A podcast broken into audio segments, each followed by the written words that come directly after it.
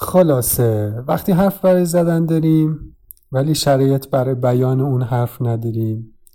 وقتی احساس می‌کنیم کاری باید بکنیم ولی دست و پامون بسته است.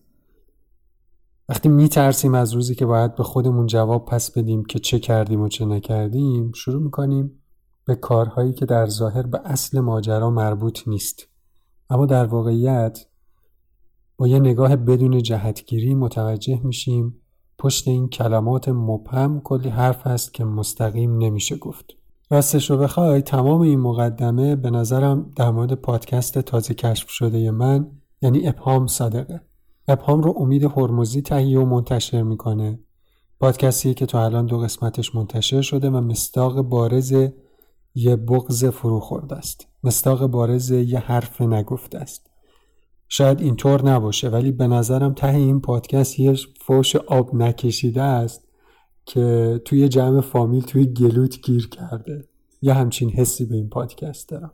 از اسم پادکست مشخصه که قرار نیست حرفی رو مستقیم بگه. حرفی مستقیم زده نمیشه. قرار یکم توی ابهام باشیم. قرار کمی احساساتمون هم قلقلک داده بشه.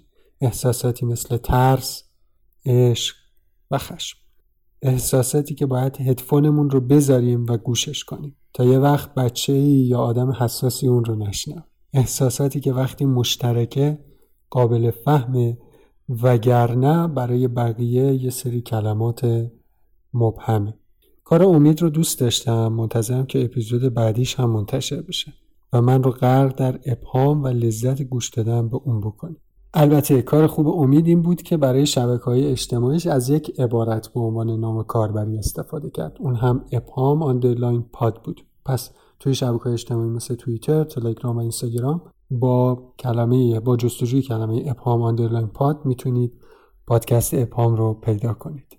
این یک معرفی از یک پادکست جدید بود. امیدوارم از گوش دادن بهش لذت ببرید.